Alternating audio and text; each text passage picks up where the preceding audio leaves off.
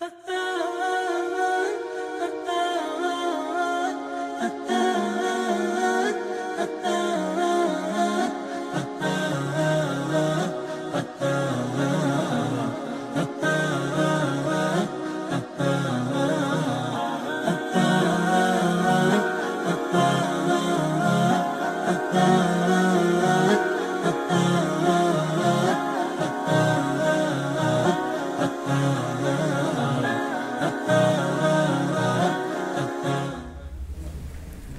السلام عليكم ورحمة الله وبركاته. إن الحمد لله نحمده ونستعين به ونستغفره.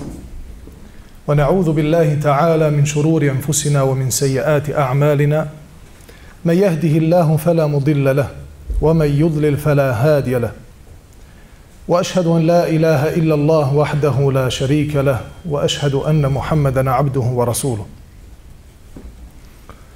اللهم صل على محمد وعلى آل محمد كما صليت على إبراهيم وعلى آل إبراهيم إنك حميد مجيد. اللهم علمنا ما ينفعنا وانفعنا بما علمتنا وزدنا علما يا كريم. رب اشرح لي صدري ويسر لي أمري واحلل عقدة من لساني يفقه قولي وبعد. الله se zahvaljujemo na svim blagodatima. I onim koje vidimo i onim koje ne vidimo. Njemu se subhanahu wa ta'ala utičemo od zli naših duša i naših loših dijela. Koga Allah uputi, on je uistinu na pravom putu. A koga Allah sa pravom u zabludi ostavi, mimo njega subhanahu wa ta'ala nema onoga ko će ga na pravi put izvesti. Neka je salavat i selam na Božijeg poslanika i miljenika Muhammeda alaihi salatu wasalam, na njegovu porodicu, časne ashabe i sve one koji slijede u dobru, u istini do sudnjega dana.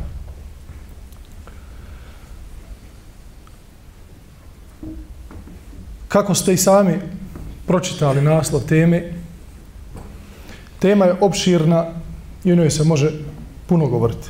Međutim, ja sam namjerno izazvao naslov ove teme da bi određene aktuelne stvari poredao i njih stavio nama u eter.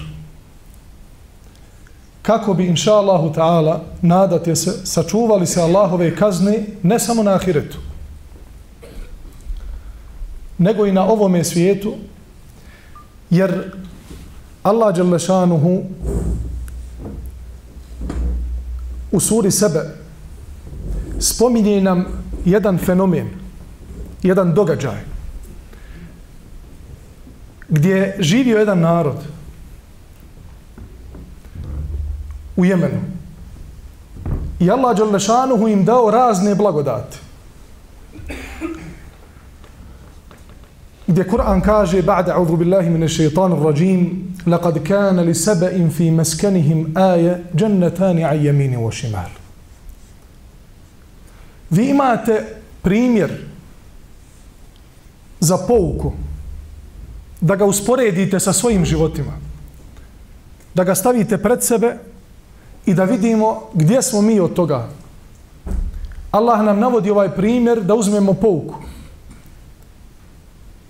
Džennetani a jemini u ošimal ono što je najosnovnije za čo, opstanak čovjekovog života, nakon sigurnosti, i ono o čemu Allah Đalešanuhu govori da im je dao lijep život, da im je dao plodno, plodnost u zemlju, i on, subhanahu wa ta'ala, bio milosti prema njima, kaže, dao im je razne bašte i usjeve koji su rađali. Kulu mir rizqi rabbikum moškurule. Jedite slobodno. Uživajte uživajte u onome što vam je Allah Đalešanuhu dao. Nema nikakvih problema.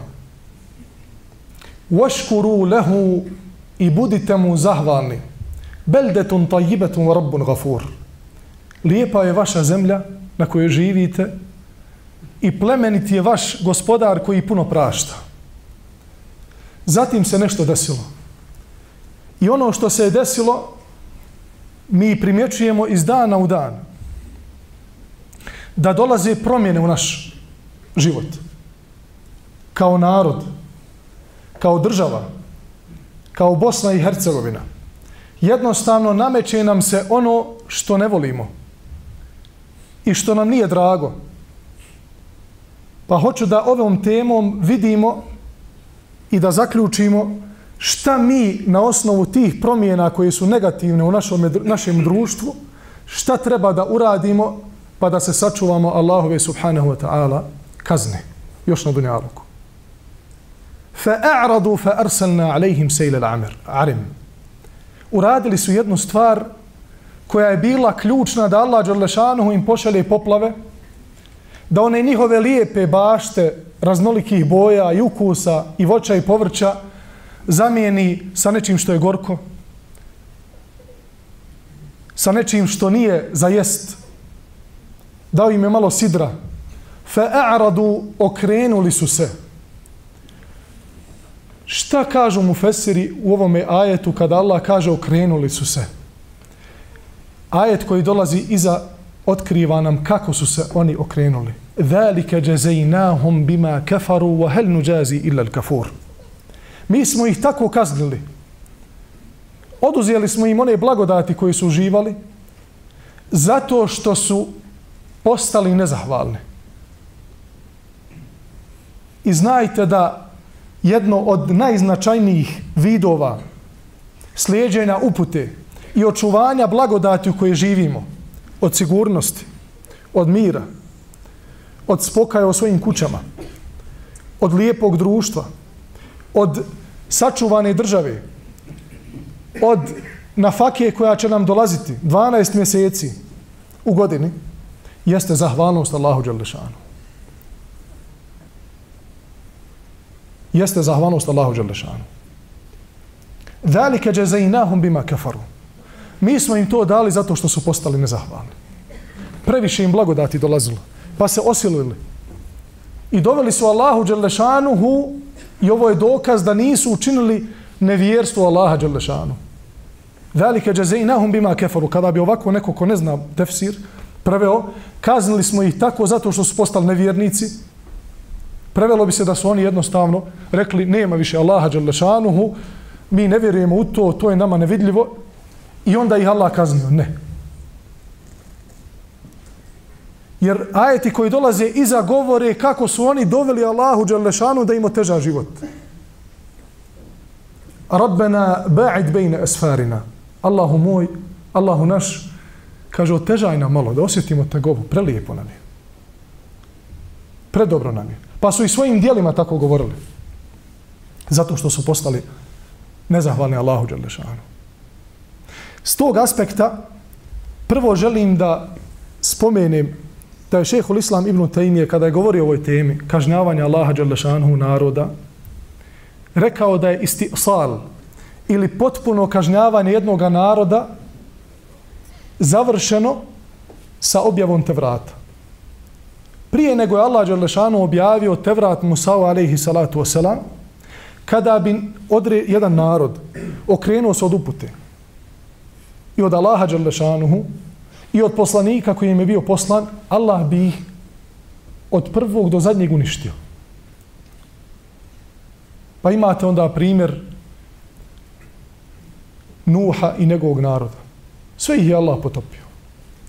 Aad, naroda Ada, kome je poslan Hud, alaihi salam, uništen do kraja. F narod Femuda, Faraon i njegova skupina, njegova svita, svi su uništeni. Zatim Allah Đalešanu kaže: "Wa laqad atayna Musa al-kitaba min ba'di ma ahlakna al-qurun al-ula." Zatim smo dali Musa'u, objavili smo mu Tevrat nakon što smo uništili prve generacije. Nakon toga, kaže šehol Islam ibn Taymi, rahimahullahu ta'ala, nakon toga nećete naći da Allah Đalešanu u potpunosti jedan narod uništio od početka do kraja nego je uništavao i kažnjavao one koji su bili griješni, a vjernike je ostavljao. Zatim ću se tokom, ovo, tokom ovoga predavanja inšala osvrnuti na neke društvene sfere E, vezane i za našu vjeru, aktuelnost, ekonomiju, dotać se inšala u tala e, malo i, i, i politike, i način na koji islam gleda na sve ove društvene smjerove, jer, braćo moje poštovane sestre, znajte da sve ono što vidite vi svojim očima, ne treba na mikroskop za to, ne treba neko da nam posebno priča da je globalna, globalni napad na islam i muslimane u cijelom svijetu. I da jest, jednostavno mnogi su se udružili. Oni koji nismo mogli ni zamisliti da će doći dan da će se oni okupiti jedni se oko drugih. Za jednu trpezu, za jednu sofru. I da će sjediti na jednome stolu i razgovarati kako uništiti islam i muslimane. Nikada nismo mogli zamisliti. Razni tipova, raznih opcija, svi su se okupili da unište ili da pokušaju da unište islam i muslimane. Znate li zbog čega? Zato što su muslimani izašli sa islamom iz džamije i rekli su mi hoćemo da islam sprovedemo u naše svakodnevne živote. Jer da mi kažemo dobro, mi ćemo se povinovat vama i vašim pravilima igre, Allah te nagradi. I slušat ćemo vas od A do Ž. Sve što nam kažete i što nam naredite. Pa makar to bila i nepravda. Makar to bilo uh, vidno uništavanje svega što je islamsko, ali mi ćemo ostati u džamijama samo da klanjamo, posjećamo mjesec Ramazana, tespih u ruku, pa oni bili prezadovoljni. Donekle je komunizam to i dozvoljavao prijašnjem sistemu. Hoćeš, kaže, vjeru islam, idu u džamiju. Zatvori se lijepo tamo. Kaže, džamije su za islam, za, za, za din i bogomolje. Kad izađeš van džamijske kapije, nemoj kaže ovamo islama. Kako mi nemoj ovamo islama kad je islam cjelokupni sistem života? Sve u tančine, nabrojano, objavljeno. Kur'an i Kerim ima preko 560 ajeta koji govore o pravnom sistemu. O pravdi. Pogledajte u 95% današnje napisanih zakona i pravilnika kako se ljudi trebaju obhoditi, kako se vlast trebaju obhoditi prema ljudima, kako ljudi prema vlastima, donesite mi, molim vas, riječ koja se zove pravda. Donesite mi riječ u knjigama koje su po to, na tomove napisane. Pravo ovoga, pravo onoga, pravo opće slobode, pravo da budeš bolestan, pravo da budeš nenormalan, pravo ovo. Dobro, a gdje mi je pravda? Nema pravde. Islam, islam kao vjera, isključivo je zasnovan na pravdi, kogod da je bio. I o kome god se radilo. Nema razlike između bogatog i sromašnog. Niti ima razlike između onoga koji ima iza sebe, da kažemo, leđa i onoga koji to nema. Islam daje svakome leđa, kao što kaže Ebu Bekar radijallahu anhu na prvoj svojoj hutbi, nakon smrti Božijeg poslanika. I to je bio najteži, braćo moja i poštovane sestre, najteži moment za islam i muslimane. Kada odlazi naš miljenik Muhammed sallallahu alaihi wasallam sa ovoga svijeta i kada mnoga arapska plemena se od, odriču islama iz ovih ili onih razloga, tada je zabilježeno u nekim historijskim knjigama da kada su se Arapi odmetnili od Islama zbog smrti Božijeg poslanika, da je na cijelom Dunjaluku učio ezan samo sa tri džamije. Cijeli Dunjaluk, tri džamije, je li, usla, je li Islam tada umro? Je li Islama tada nestalo? Nije tako mi Allaha, mi smo svjedoci toga. Tri džamije. Ali Ebu Bekr se penje na mimber i ubijeđen da će Allah Đelešanuhu pomoći pravednoga, kaže svako od vas je kod mene slab ako je činio nekom je nepravdu svako od vas je kod mene slabić sve dok ne uzmem od njega pravom brata muslimana a svak onaj koji osnovi slab nema zaleđeni, nema štele nema prezimena, nema porijekla jakog pa da ga brani svaki taj slabić je kod mene jak sve dok ne uzmem njegovo pravo od, od drugih. Pa makar se radilo o državama. Pa je Allah Đalešanu potpomogao Ebu Bekra radijallahu anhu i one koji su bili sa njim da mi danas u Bosni i Hercegovini slavimo Allaha Đelešanuhu i slušamo ove predaje.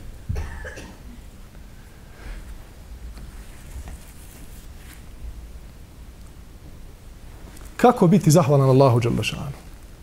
Ajet koji smo proučili sure sebe otkriva nam jedno od razloga kažnjavanja Allaha Đelešanuhu nekih naroda. I da bi opstali, da bi opstale. a prije svega i one blagodati koje uživamo i da nam se te blagodati još uvećaju, nepotrebno je ili potrebno je da budemo zahvalni Allahu Đelešanu. Prvi od, prve od stvari jeste pripisivanja Allahu Đalešanu te bliste blagodati. Kaže, ja sam sa svojih deset prstiju, kaže, sve zaradio. Allahov robe, ko ti je dao ti deset prstiju? Ako si ti zaradio, ako ti nije Allah dao, kad kažeš mu zahvali se Allahu, kaže, ja sam poranio, vjerane. Kome da se zahvalim? Ja donio, ja otkopo, ja zakopo, ja zalio. Ko ti je dao oči? Ko ti je dao život? Ko ti je dao snagu? Ko ti je dao onu hranu? Nezahvalni. Nezahvalni ljudi i opet i Allah obskrbljuje. Kolika je milost našeg gospodara? Da čak i one koji su mu nezahvalni, koji ga negiraju, obskrbljuje ih. Ne bi li jednoga dana pameti došli? Pa kad razmisliš o svim onim blagodatima koje ti Allah Đelešanuhu dao, kako bi ustao za nafakom, vidjet ćeš da su ono, one mnogo, mnogo veće i ne mogu se prebrojati od one blagodati koja ti je uskraćena u tome danu. Pa kaže, nema nafake.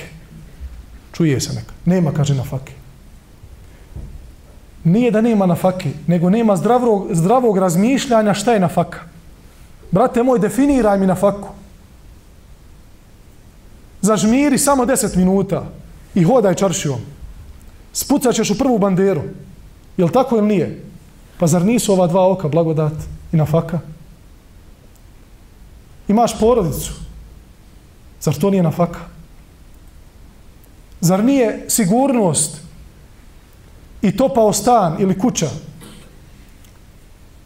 i od toga da si siguran da ti niko neće uzurpirati tvoju sigurnost tokom noći sve dok ne dočekaš sabah namaz, zar to nije blagodat?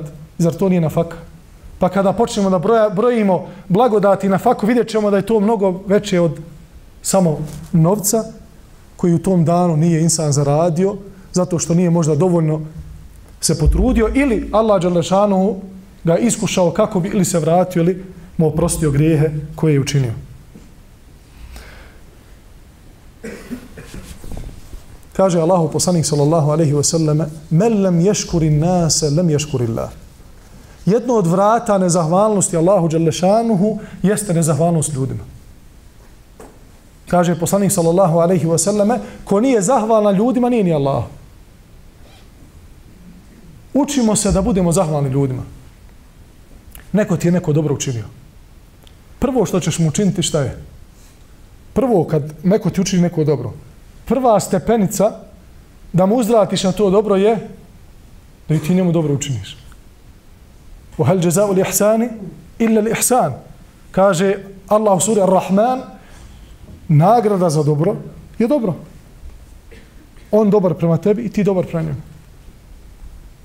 On te počastuje, ti njega počastuje. On ti valio, nemoj mu zaboraviti. Allahu poslanik sallallahu alejhi ve selleme nakon smrti Hadidže, njegove prve supruge, radijallahu anha. Hadidže bintu Huwailid, prva žena u islamu. Nakon što je preselila, znate šta je Allahu poslanik alejhi salatu vesselam radio kako bi bio zahvalan ljudima? Obilazio je njene starije prijateljice, dolazio do vrata i pitao i šta vam treba. Slao ashabe i slao svoju rodbinu da paze njeno prijateljstvo dok je bila tokom života. Nakon njene smrti. Očuvao je taj, da kažemo to, prijateljstvo i nakon njene smrti. kako bi rekao tim osobama koje se družile sa Hatidžom tokom života, hvala vam što ste bile prijateljica moje supruge. Pa braćo moja i sestre, cuko, pas, cuko, dadneš mu da jede, on maše repom. Znate šta vam kaže kad maše repom? Hvala ti mnogo. Ima ljudi, valjaš mu. I još ne bi volio ovo spomenuti, ali moram. Kaže, ako hoćeš neprijatelja, pozajmi mu pare. Pozajmiš nekome pare i sačekaj samo šest mjeseci da prođe. Okreće glavu od tebe. Šta bi? Bili smo je rani, kaže, dok mu nisam pozajmio pare. Ti mu valjao pozajmio mu pare, on počeo okretat leđa. Ima to, dešava se kod naroda. Iz dva razloga. Ili ovaj stvarno je toliko loš čovjek da je zanijekao ta, tu dobrotu, ili se stidi. Stidi da pogleda u oči onoga ko ima pravo na, na taj novac, a nema da mu vrati. Zato, brate moj, kad dođeš u tu situaciju, priđi tome koji ti je dužan. Pitaj ga o čemu je riječ. Jel se stidiš? Jel nemaš? Ako nemaš, reci. Koliko puta sam čuo svojim ušima da onaj koji je, kome je neko dužan kaže tako mi Allaha samo da me nazove i da mi kaže nemam još da ti vratim, ne znam koliko da, da je dug velik, kaže ja mu halalio. Ali šeitan ovome govori, joj, ako ga nazoveš, napast će te. Ma gotovo. I sve ti radiš samo da ga ne srećeš, da ne ideš njegovim kvartom, njegovom ulicom. Znaš da on otprilike tu negdje šeće se, ti odmah uzmeš drugu ulicu. Men lem ješkuri nase, lem ješkuri Allah, ko nije zahvalan Allahu, ljudima nije ni Allahu Đelešanu. Korištenje Allahu i blagodati na halal način. Allah ti dao na faku. Ti odeš u kladioncu. I onda moram vam reći da sam pogledao kao što ste i vi većinom pogledali, pogotovo omladina, onaj klip, kad onaj kaže da se Boga ne bojite. Izgubio sve pare u kladionci. 8-9, koliko je nekoliko sati je 8-9 sati igro. Ovo je crni humor Allaha mi, ovo je toliko žalostno da je postalo smiješno. I sve pare izgubio. Izvarali ga, pa kladionca je varka, braćo moje. Pored toga što je zabranjeno, nemojte sebi dozvoliti da, da radite ono što je van zdrave pameti. I nazvog vlasnika kladionce i kaže, zar se Boga ne bojiš? Što si me prevario, što si mi pare uzeo? Pa ko te natjerao da uđeš tamo? Sigurno da je ova stvar, pogotovo kladionica, dokaz da smo na po ekonomskom ponoru, jer studije su dokazale da narod u kome se proširi igra na sreću, da je to narod koji živi jaku ekonomsku krizu igre za, na sreću su dokaz tome. Jer da zasuče rukave i da radi, da donese na faku, ne bi imao potrebu za razmišljanjem, hajde nešto na sreću. Pa nema ništa na sreću, Allahu rob. Jedna stvar. Druga stvar, naša vlast, kako zakonodavna, tako i ona koji, koji ima u svojim rukama odriješene mogućnosti da zabrani slične akte kao što su kladionce, velika im je obaveza i odgovornost pred Allahom Đerlešanuhu što bošnjaci troše novac na kladionice. I što se odali jednom od najgorih strasti, skoro sam sjedio sa čovjekom koji se odvadi od kocke. Pet godina sam, kaže, hodao po svijetu. Bio sam, ako ne milioner, kaže, odmah ispod toga. Mlađi čovjek u 35. godinama života. Vratio se, alhamdulillah, vjeri. Otvorio oči. Pet godina sam, kaže, bio odsutan od svoje kuće. Izgubio sam porodicu. Izgubio sam rotele. Izgubio sam suprugu. Sve sam na svijetu izgubio. Pored toga, izgubio sam sve pare koje sam zaradio. A visoko obrazovan. Kockao. Do Las Vegasa je došao. Sve sam, kaže, izgubio i kaže, Almire, tako mi je Allaha, prenesi drugim ljudima. Kocka je veća droga od heroina i kokaina. Ko se navuče na kocku, lakše se skinuti sa heroina i kokaina nego s kocke. i bio sam na rubu više puta hoću li se ubiti ili ne. Ali Allah Đelešanuhu ostavio mu život da kasnije progleda svojim očima pa da bude živi svjedok ponora takvih griha.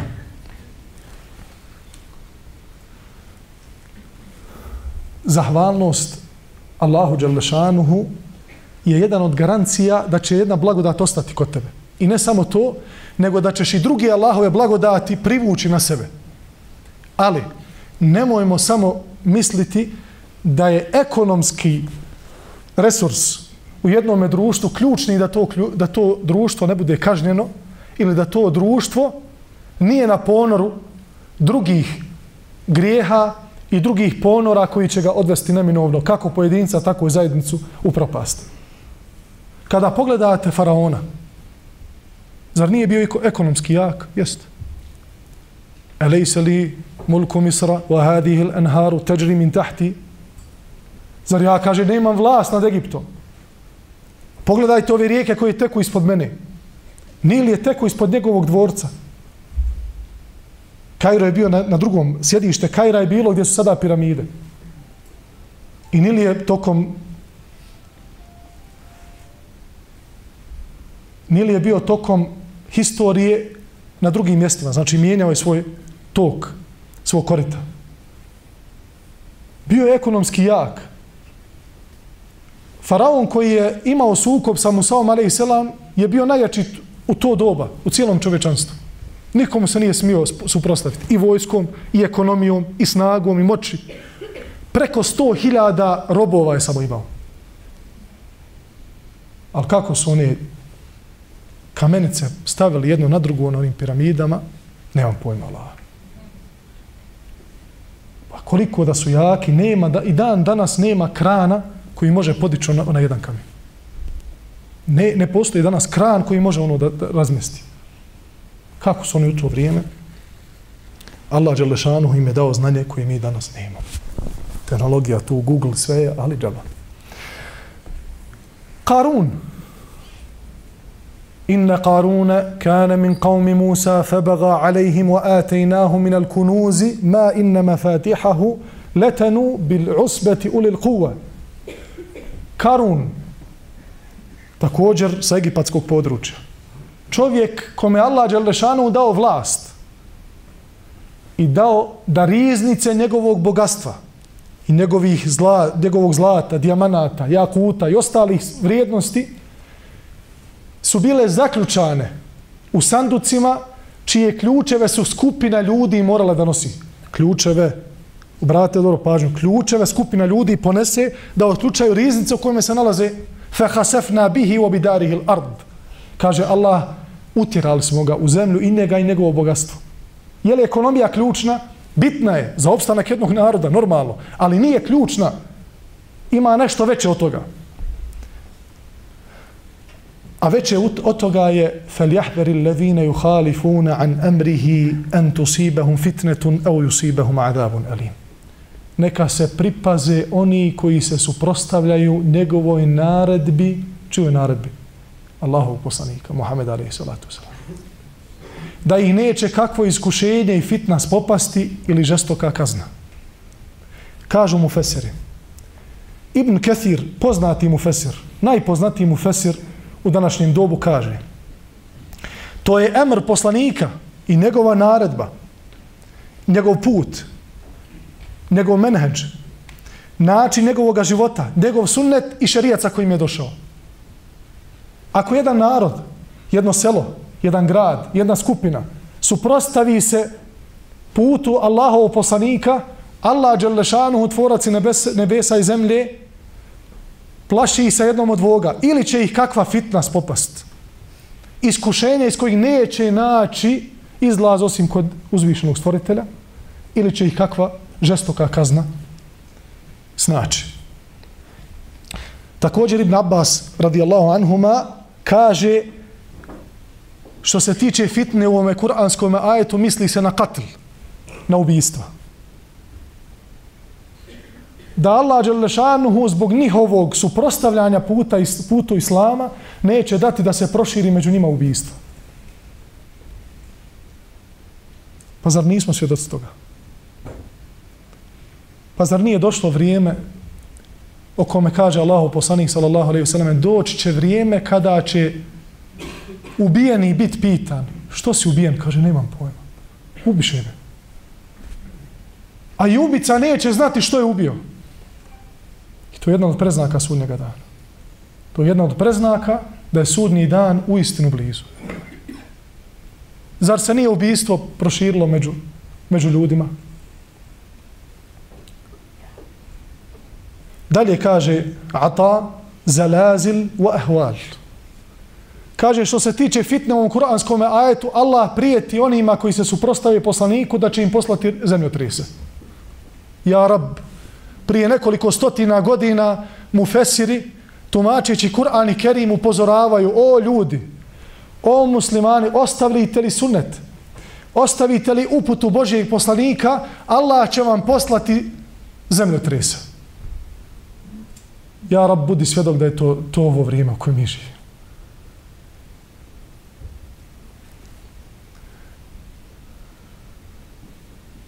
Kaže Džafar ibn Muhammed, tumačeći fitnu u kuranskom ajetu, kaže da će im Allah poslati nepravedni vladare. Da će im Allah šta? Poslati nepravedni vladare. Popravljamo se mi, pa hoćemo bolje, pa izglasamo sve. Opet nam dođe Aman, gdje su ga našli? Gdje ga izvukoše da je lutrija bila? Govorim uopćeno. Za cijeli svijet. Pogledajte Ameriku. Gdje ga izvukoše takva mala? Cirkus. 100%, 100% otišli u cirkus, izvukli jednog i rekli ovaj će nam biti glavni. Koliko miliona ljudi ima u Americi? Preko 200 miliona, je li tako? 200, 300 miliona. 300 miliona ljudi. Glavni čovjek, broj jedan u državi, komičar. Šta mislite onda oni koji su ispod njega? Kakvi su oni te komičari? Čas izuzecima. Kada su bili spremni svojim umnim sklopom da izaberu čovjeka koji je pola svoga života potrošio ismijavajući ljude i nasmijavajući druge. I što kaže jedan uh, moj prijatelj kaže sad će tek komičar imat posla da snimaju njegove komedije da ih plasiraju ljudima i bit će pune stranice oni fan videa pune će biti trenutno predsjednika Sjedine američkih država.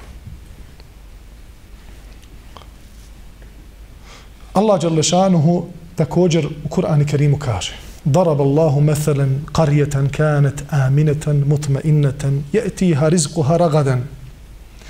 من كل مكان فكفرت بأنعم الله فأذاق الله لباس الجوع والخوف بما كانوا يصنعون.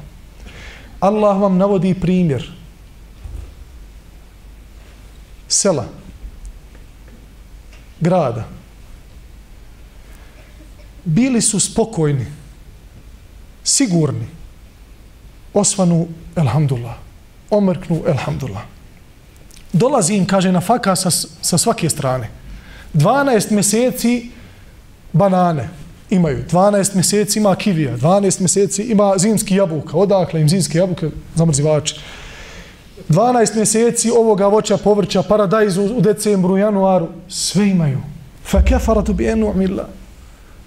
Pa su postali nezahvalni na Allahovim blagodatima. Devera se. Molim vas izbacite ovu, ovu, ovu riječ iz svojih žargona. Deve raz. Reci alhamdulillah pa će ti Allah povećat.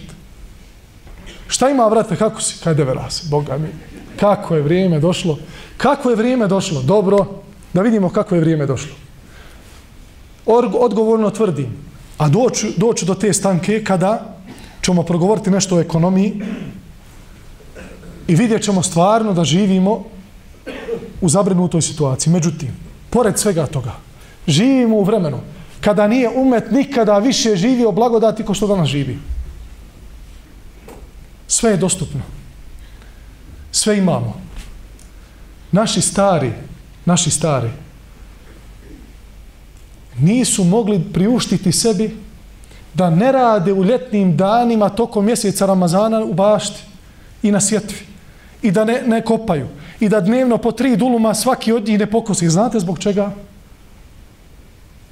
Prva nagrada kaže medalja. Ama nisu smjeli dana da odmori. Zbog džehla i neznanja koje su imali, kada bi, kaže, z, kada bi, ponekada, zbog umora koji su osjećali u prošlom danu, prespali sehur. Ali ovo je neznanje, pazite, ja ovo ne upravdavam. Stavljali bi, kaže, kurbanske kožice na prozore, da zamrače sobu, pristavi Hanuma pitu, jedi, kaže, što, pa valja čitav dan rad, čećeš, kaže, ne se hurt na njemu, odmah preblijedio oko krpa i pao nesvijest. Da bi iskoristili svaki dan da ima zimnicu, jer inače neće imati šta da jede. Jel mi tako radimo? Jer mi moramo svaki dan da ustanemo ujutru u 5 sati da bi u 7 bili već na njivi. Pa mi to da danas radimo, parirali bi Švicarskoj i Holandiji u zemlju, u radnju i poljoprivredu. Jači su od nas ekonomski i socijalno milion hiljada puta. Ne možemo istići još za deset svjetlosnih godina. I opet pogledaš Holandžana, onog domoroca čistotrnog u žuču, vidiš ga na njih u sedam ujutru. A Bošnjo, Allahu ekber kad ga vidiš, ej. Al, okreneš ga naopako i stresneš ga, Allah dvije marke nema u džepu. Ali kad bi taj holandžan mu pružio ruku, ovaj Boša bi rekao, izvini, I'm so sorry, I, kad ne smijem se džeć prljavom rukom. Ovaj namazon i veom ruke, ko da je žensko, Allah.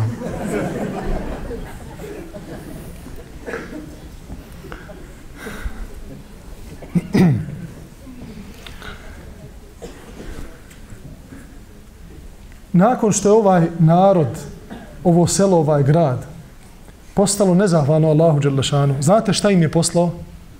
Kaže Kur'an i Kerim, فَأَذَاقَهَ اللَّهُ لِبَاسَ الْجُوعِ وَالْحَوْفِ Allah im je dao dvije stvari od koje se mi plašimo svi.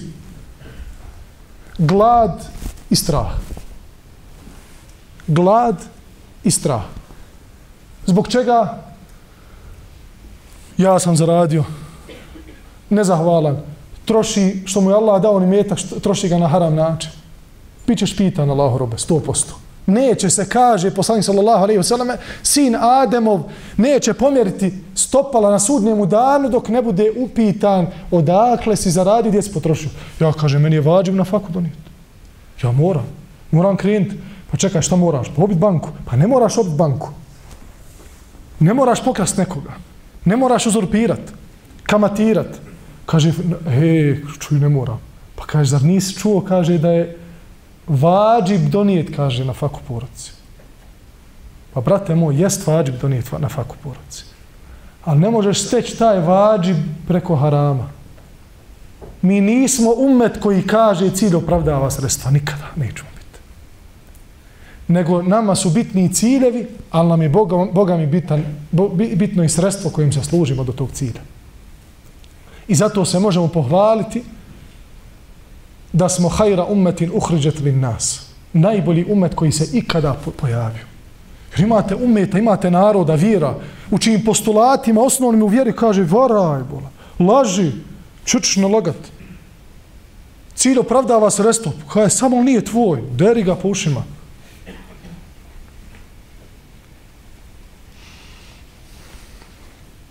ظهر الفساد في البر والبحر بما كسبت ايت الناس kaže Allah dželle šanuhu pojavili se neredi zemljotresi poplave suše nije rodilo ti nam med ove godine ko kupio meda nema meda suha godina suhlja nije mogla biti zašto znate li zašto pa nije Allah dželle šanuhu dao onim cvjetkama da, da, da mede Allah im nije dao da mede braćo moje i poštovane sestre.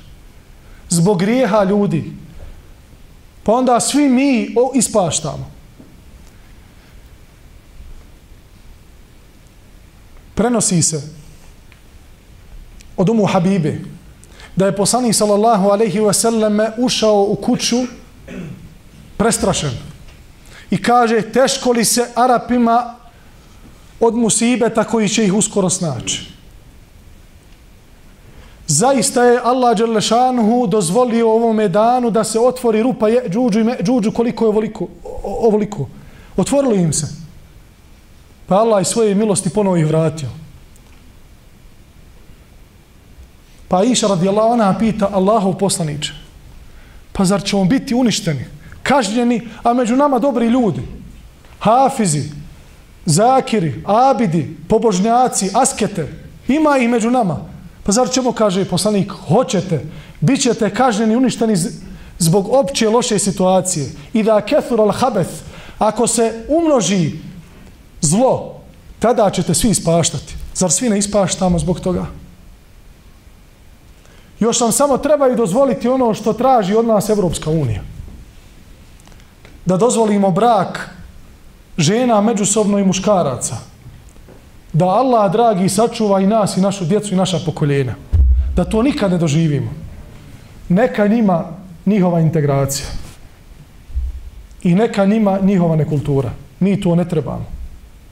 I znajte da jedan narod osuđen na propast i na kaznu ako ostavi svoju tradiciju i ako je zaboravi, nama se nameće, nama se nameće i to je teško sada regulisati, nemoguća misija, da mi sada cenzurišemo sve i da kažemo, e nećemo puštati ovo svoje djeci. Toliko su nam ti mediji i toliko su nam plasirali tih serija i španjolskih i portugalskih i ovakvi onaki, da više ne možemo kontrolisati stanje, međutim, međutim, na vajzima, na muftijama, na hatibima, na alimima, na medijama, na javnim ličnostima, na svim onima koji mogu da djeluju, je obaveza i zadatak da se pobrinu od očuvanju tradicije s ovih prostora. I mi, svako od nas kao pojedinac, trebamo da budemo ponosni zbog tradicije koju još možemo da očuvamo i očuvana je u knjigama i trebamo da je prenesemo u svoje živote. Zar nije ponos da imaš nešto svoje? Zar nije ponos da su naši preci imali nešto što drugi nemaju? Način ponašanja, način obhođenja, kako kad dođemo na sjelo, kako da, da sjedimo, muškarci i žene zajedno, pa se onda planski poredaju. Dođu tri vračna para. Ima tu jedan muškarac, preko puta nije njegova žena. Tuđa je žena s kojom će on cijelo vrijeme razgovarati. Pa onda drugi muškarac, preko puta isto, ali to je ali to tako sinhronizovano ide, ide, to je čudo jedno. I svako razgovara s drugim. Zabranjeno. Zabranjeno. Imaj, očuvajmo svoju tradiciju, svoju kulturu islama koji su njegovali naši pradjedovi desetinama i stotinama godina. Čitajte knjigu. Čitajte knjigu jer džehl, neznanje, jedno je od razloga zbog čega Allah Đelešanu će kazniti kazniti jedan narod. Kaže poslanik sallallahu alaihi wasallam u hadisu od Ebu Hureyre radijallahu anhu يقبض العلم ويظهر الجهل والفتن ويكثر الهرج قيل يا رسول الله وما الهرج قال هكذا بيده فحركها وبكو يدوشا وبصاني صلى الله عليه وسلم يشير كأنه يريد القتل kaže proširit će se neznanje a znanje. I proširit će se fitne i smutnje. I proširit će se harađ. Bi rečeno šta je harađ ala Allah? Kaže ovako bi pokazao. Kaže hoće da kaže proširit će se ubistva. Znajte da ako budemo imali znanje i ako se budemo edukovali i učili svoju tradiciju, neće nam moć svako da soli pamet i neće nam moć niko da kaže ovo je uvozno. Pa dobro, živjeli smo u sistemu koji nam je htio da uništi sve što je islamsko. Pa nam je 52. zabranio našim nenama Feređe i Zarobe. Pa je uzeo za rukavi u lemu, da i ulema kaže ne treba to. Pa smo došli u situaciju da se jadnici iz Čoškova moramo brand, pa Feređa je od, od naše tradicije pa i brada je. Nisu vas da naši djedovi bili obrijani. Pa ako je žena pokrivena, a mi stidno ono iz čoška, pa naša je ovo tradicija. Pa normalno da je naša tradicija. Nije francuska. Trebamo se mi stiditi zbog toga što nam je neko nametnuo kroz sistem da nešto nije tradicija, drugo jest. Čitajmo knjigu da bi saznali i očuvajmo to. Zar, ne je, zar nije fino očuvati u jednoj kući tradiciju razdvajanja muškaraca i žena? Dolazi se na svijelo, ima soba za muškarce, soba za žene. Jarab, koja je ljepota? Tradicija. Čitajte knjigu. Tradicija nerukovanja muškaraca sa ženama koje, su, koje mu nisu mahrem. Tradicija. Izučavajući, jerhamukallah, izučavajući u zadnjim danima zbog eh, sljedeće tribine koja će biti u Zenici, da li će nam halaliti mladi muslimari, pozabavio sam se malo podoblje mladim muslimanima. Pa kaže tamo da su, kaže, gajili, gajili običaj da se ne bi rukovali sa tuđim ženama. A, ljepote, ha? Pa kaže, on nju ponižava. On nju ne ponižava. On samo čuva njeno dostojanstvo i ne želi da uzme u svoju ruku ono što mu je zabranjeno. Sestro muslimanko, ako ti neko ne pruži ruku, a ti nisi znala prije toga da ti je to zabranjeno, znaj da je to osoba koja te poštuje i koja te vrednjuje i koja gleda u tebe da si ti nešto cijenjeno i da si ti tuđa, da nisi njegova. Zar to nije lijepo? I dosta, dosta naših lijepih običaja i tradicije koja trebamo da prenesemo na naredna pokoljenja kako bi očuvali očuvali ono što nam je što nam je bitno i ono što nam je korisno inša Allah da ne bi izgubili svoj identitet.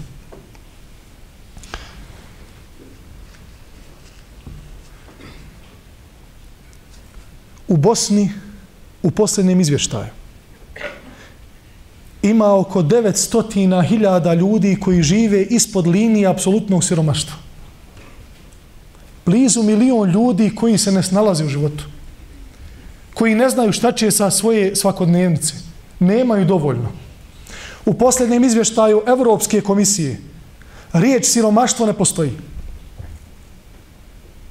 Uopšte o tome ne, ne žele da govore. A o socijalnim politikama postoje samo tri pasusa u materijalu od 30 stranica.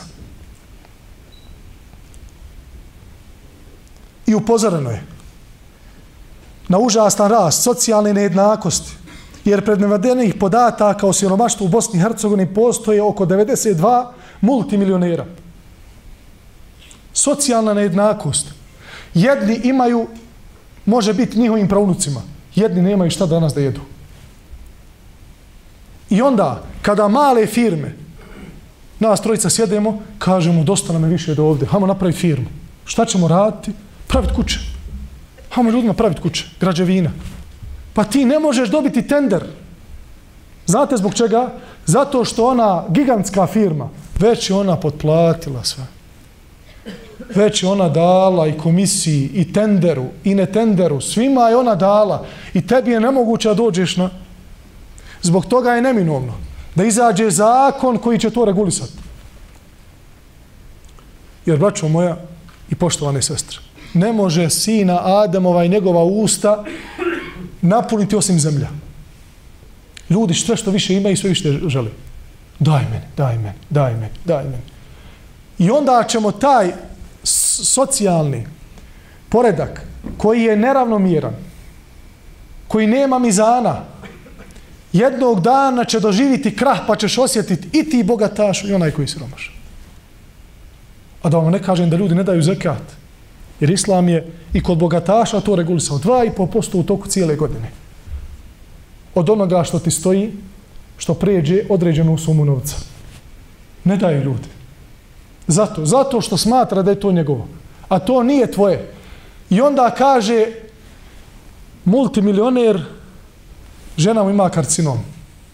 Multimilioner, kaže, smije samo jest dvije vrste hrane, iz Kalifornije se nabavljaju te vrste, dvije vrste. Kaže, ovo šta god pojede, kaže, odmah u hitnu mora. A šta misliš to? Pa nisi dao Allahovo pravo. Pa znaš ti koliko siromaha hoda ovom čaršijom, oni imaju pravo na tvoj metak, nisi im dao, nisi im izdvojio. Čistite svoj metak sadakama. Također istaknuto da osnovni problem kod socijalnog i ekonomskog neprosperiteta u Bosni i Hercegovini je to što MMF ne da da se promijeni ekonomija na bolje, jer u BiH ima novca, ali je pogrešno raspoređen. Ali oni ne daju. Rasporede ga onda gdje, Nije bitno. I ne daju ga onda gdje je bitno. Zato što, znate zbog čega? Zato što žele da nametnu svoju politiku, onaj ko ti dadne. Hoće da on nametne da ti radiš onako kako on želi. Jer smo mi ovisni o vele silama. O svjetskim vele silama. I mi smo samo eho njihove politike i njihovi neslaganja i njihove represije na, na male državice, na narode i tako dalje. Sve dok se ne izvučemo iz dugova i dok naši političari jednog dana ne shvate da ne smiju sebi dozvoliti da ne smiju sebi dozvoliti da padaju u ovaj veliki grije a to su kamatni krediti koji uzimaju da bi se navodno izvukli iz ekonomske krize, a tako mi Allaha sa tim kreditima samo upadaju u ekonomsku krizu. Podijelit ću sa vama sada podatak koji sam skoro čuo od jednog ekonomskog analitičara iz Australije koji kaže da izučavajući Osmansko carstvo i razloge, jedno od razloga ključnih za padanje Osmanskog carstva, koji je bio država Bosne i Hercegovine, bila dio toga, te države, je bilo to što su zapadne sile, Engleska u to vrijeme i Francuska instalirali svoje banke unutar Turske i nudili im u kriznom periodu, kada je Turska imala puno profesionalne vojske, a malo produkta i povlačila se sa raznih linija, puno su razvili ratove zbog napada vanjskog neprijatelja i nisu mogli da izmire sve ono što se tražilo od njih od, od ekonomije, od resursa. Nisu mogli to da rasporede, bilo je malo. Pa su im te banke koje su bile privatno instalirane od strane tih zapadnih sila unutar Turske nudila kredite koji su bili kamatni.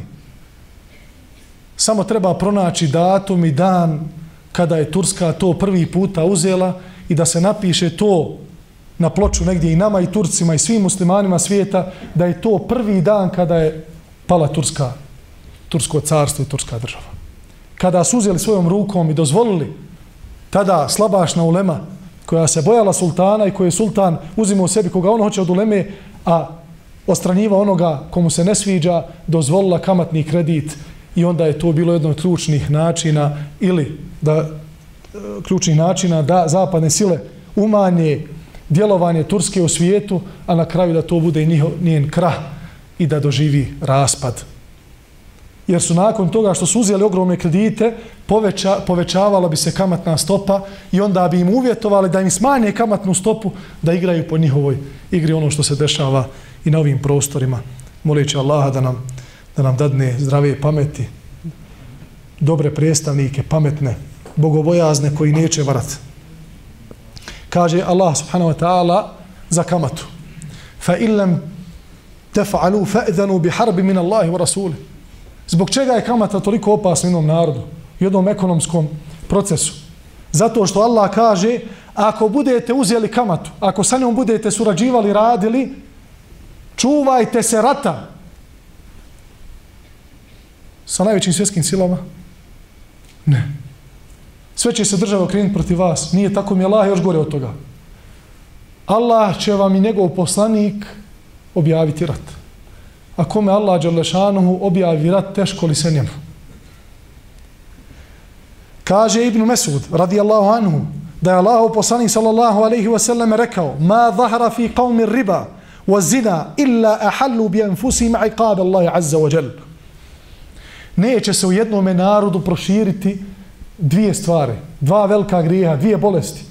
Nemoral, zinaluk i kamata. A da neće u tom trenutku kada se to dvoje proširi navući na sebe Allahovu dželešanohu kaznu. Ovaj hadis imam Ahmed navodi u svome musnedu i on je vjerodostojan. Narod koji sebi dozvoli kamatu je objavio rat Allahu dželešanohu i njegovome, njegovom poslaniku. hoćemo jaku ekonomiju, a ne vodimo računa gdje trošimo pare. Pogledajte tokom ljetnog raspusta. Gdje bošnjaci troše pare? I koliko izlaze vani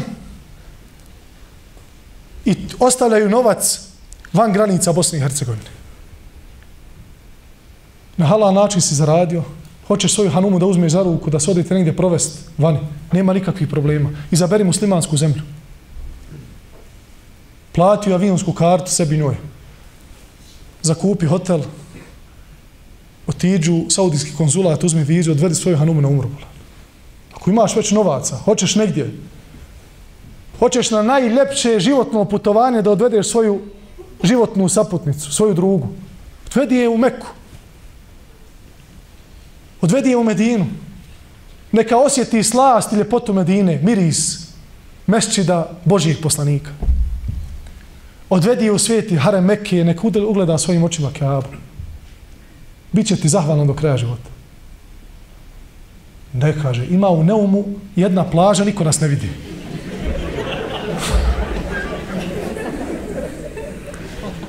Našao sam, kaže, Allah mi, pola sata smo se spuštali iz kamence, kaže, žena nije poginula. Ni stijene da bi odveo da ju ispuni čev, kaže, ja i ti smo na plaži. Srce slatko.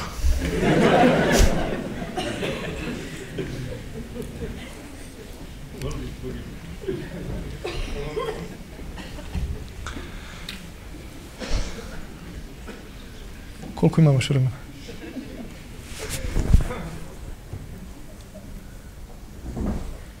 Tako da je veoma bitno da mi pojedinci povedemo računa o ekonomskim resursima. Koliko ih imamo, koliko ih trošimo, kako ih zarađujemo. A Boga mi da se oni koji su izabrani, da nas vode, da se boje Allaha Đalešanuhu i da razmisle o svojim ekonomskim potezima. Sa kim će surađivati? Ko će nam investirati? Čije investicije odbijaju, čije prihvaćaju? Jer ako dođe Allahova kazna, neće onda pogoditi samo onog pukog siromaha. Možda on jedini se ispasi. Jednik jer ništa nije kriv. Nego će biti pred Allahom Đelešanu i na Dunjaluku i na Hiretu krivi oni koji su prokockali blagodati koji mi uživamo u Bosni i Hercegovini. Hoćemo lijepu državu. Allaha mi imamo najljepšu državu na svijetu. Ali zašto naša omladina napušta Bosnu? Šta mislite, koji je Belaj spopao jednog omladinca od 22 godine da kaže s Bogom Bosna?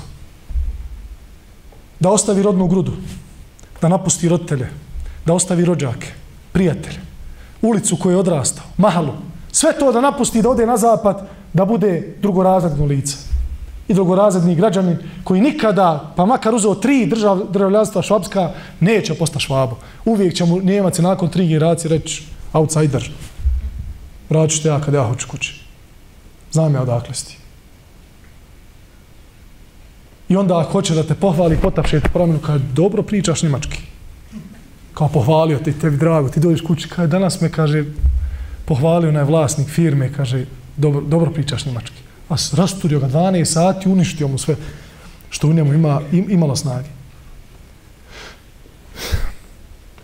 Ono što odvodi našu omladinu vani, jeste upravo ovo nekontrolisani efekti ekonomski koje vodi naša politika i naši političari, gdje ne daju malim firmama da se razviju, gdje ne daju našoj omladini da se pokaže, da se dokaže, da prate u Australiji muslimanka pokrivena, djevojka završila srednju medicinsku školu sa najboljom mogućom ocjenu koja je ikada bila na medicinskom fakultetu, na fakultetu na tom kontinentu.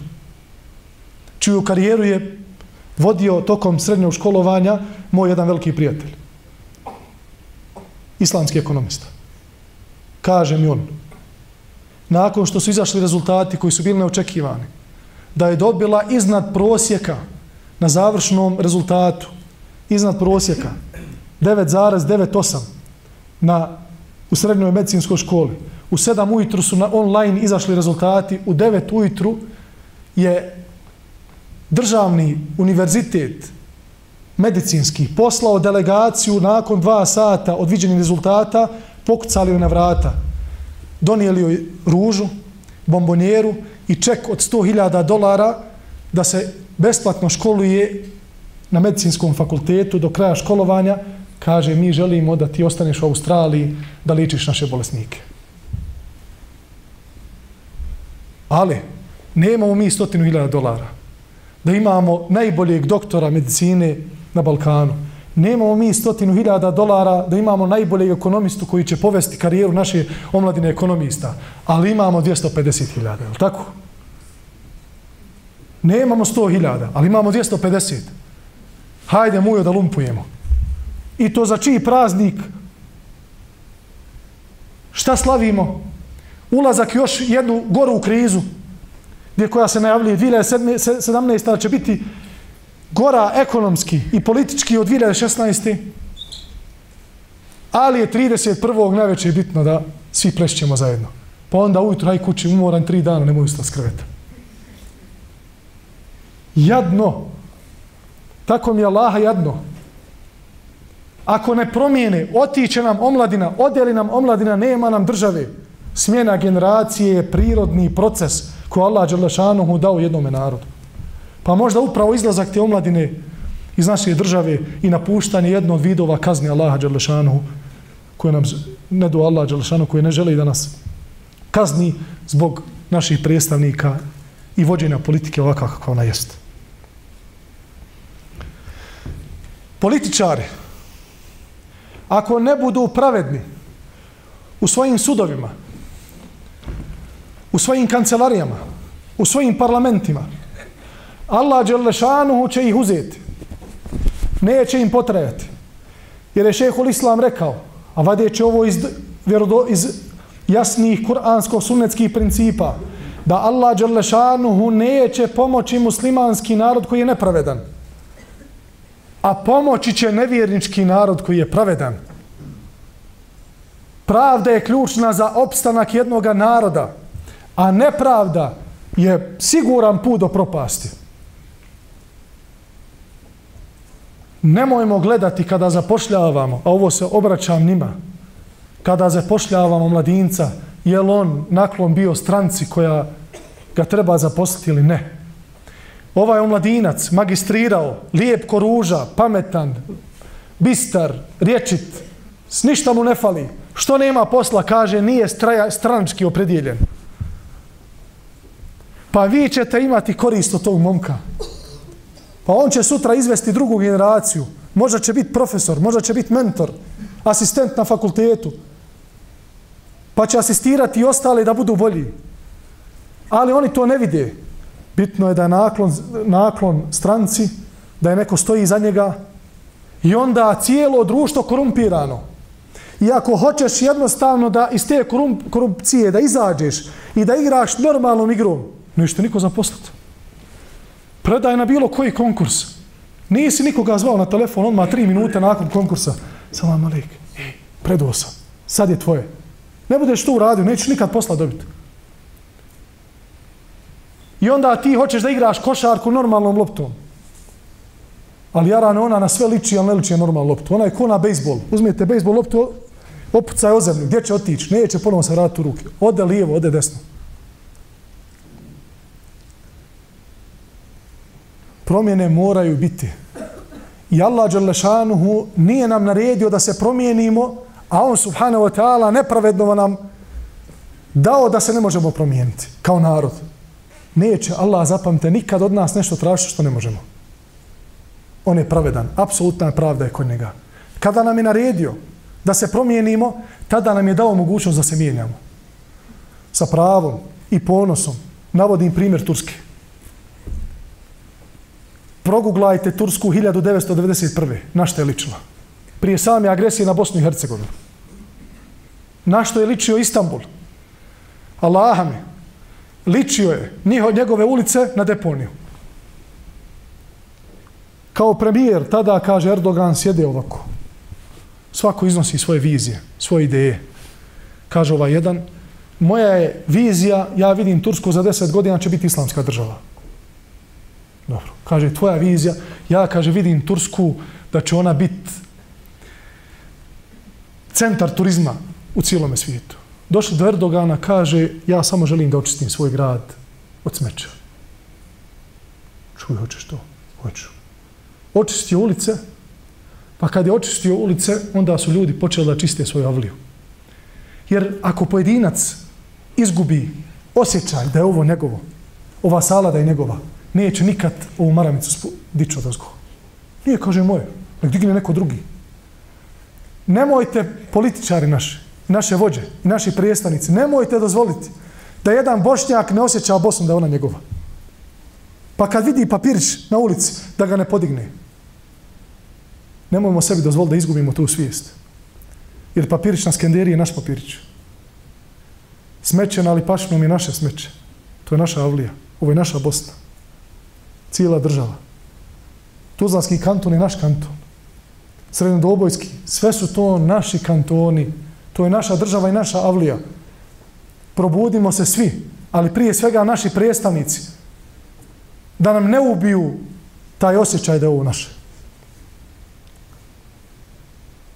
Ako su oni kao Turska mogli da se promijene, do juče su molili, kle, klečali Evropskoj uniji na koljenima da ih primi unutar Evropske unije, pa da imaju, šta da imaju? Da imaju sve one beneficije koje ima Evro, svaka članica Evropske unije. Turska je prije deset godina govorila, molim vas, primite nas. Sada Njemačka i ostale članice Evropske unije mole Tursku da uđe. Sad ona neće. Jednostavno razlog, ekonomija porasla. Plasira se domaće. Kako me može ubijediti? Moji predstavnici. Da nam je slaba ekonomija. A da oni igraju za naš dobrobit. Kada sam prošle godine, godine vidio naše poljoprivrednike kako dijele u kamionima besplatno narodu, prolaznicima, sve usjeve koje su izvadili iz zemlje. Znate zbog čega? Zato kada bi, ako hoćeš ti kao bošnjak, musliman, da pošiješ krompir, koji će biti kvalitetniji, zdraviji, domaće i da ga prodaš na svom domaćem tržištu bez poreza, bez uvoza, bez transporta, skuplji je duplo nego onaj koji se uvede izvana. Šta je to? Kakva je to igra? Ko nam to nameće? Kocke ekonomske politike koja želi da nam ubije sve ono što je domaće? Imajmo svijest o tome.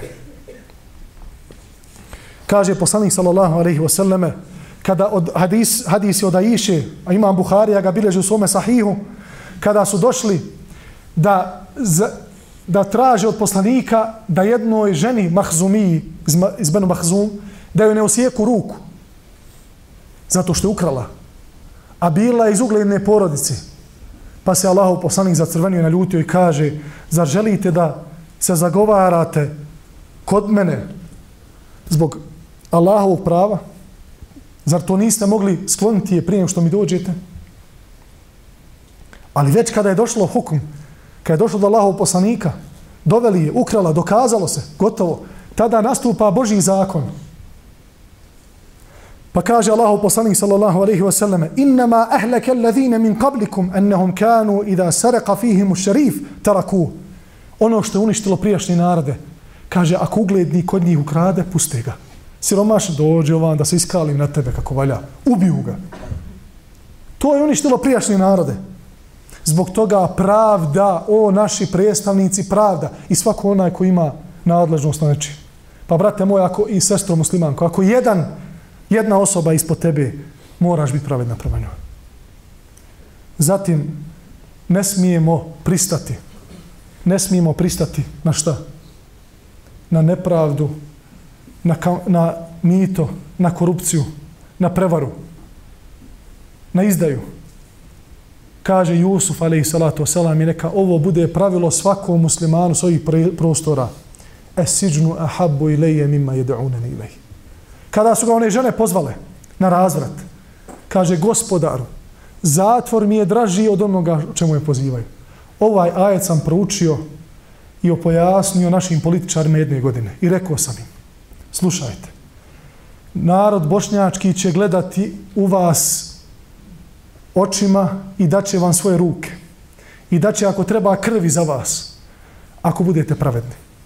A ako budete natjerani da nepravdu činite na štetu svoga naroda, recite tim koji vas tjeraju višim silama. E siđnu je habbu i leje mima ide unen ili. Zatvor mi je draži od onoga čemu me pozivate. Gdje je Jusuf završio? Nakon što je rekao Esiđnu je habbu i zatvor mi je draži, postao predsjednik države. Zašto? Koga je doveo do predstavništva države? Komu je dao vlast Egipta, moćnog? Onaj koji iznad sedam nebesa.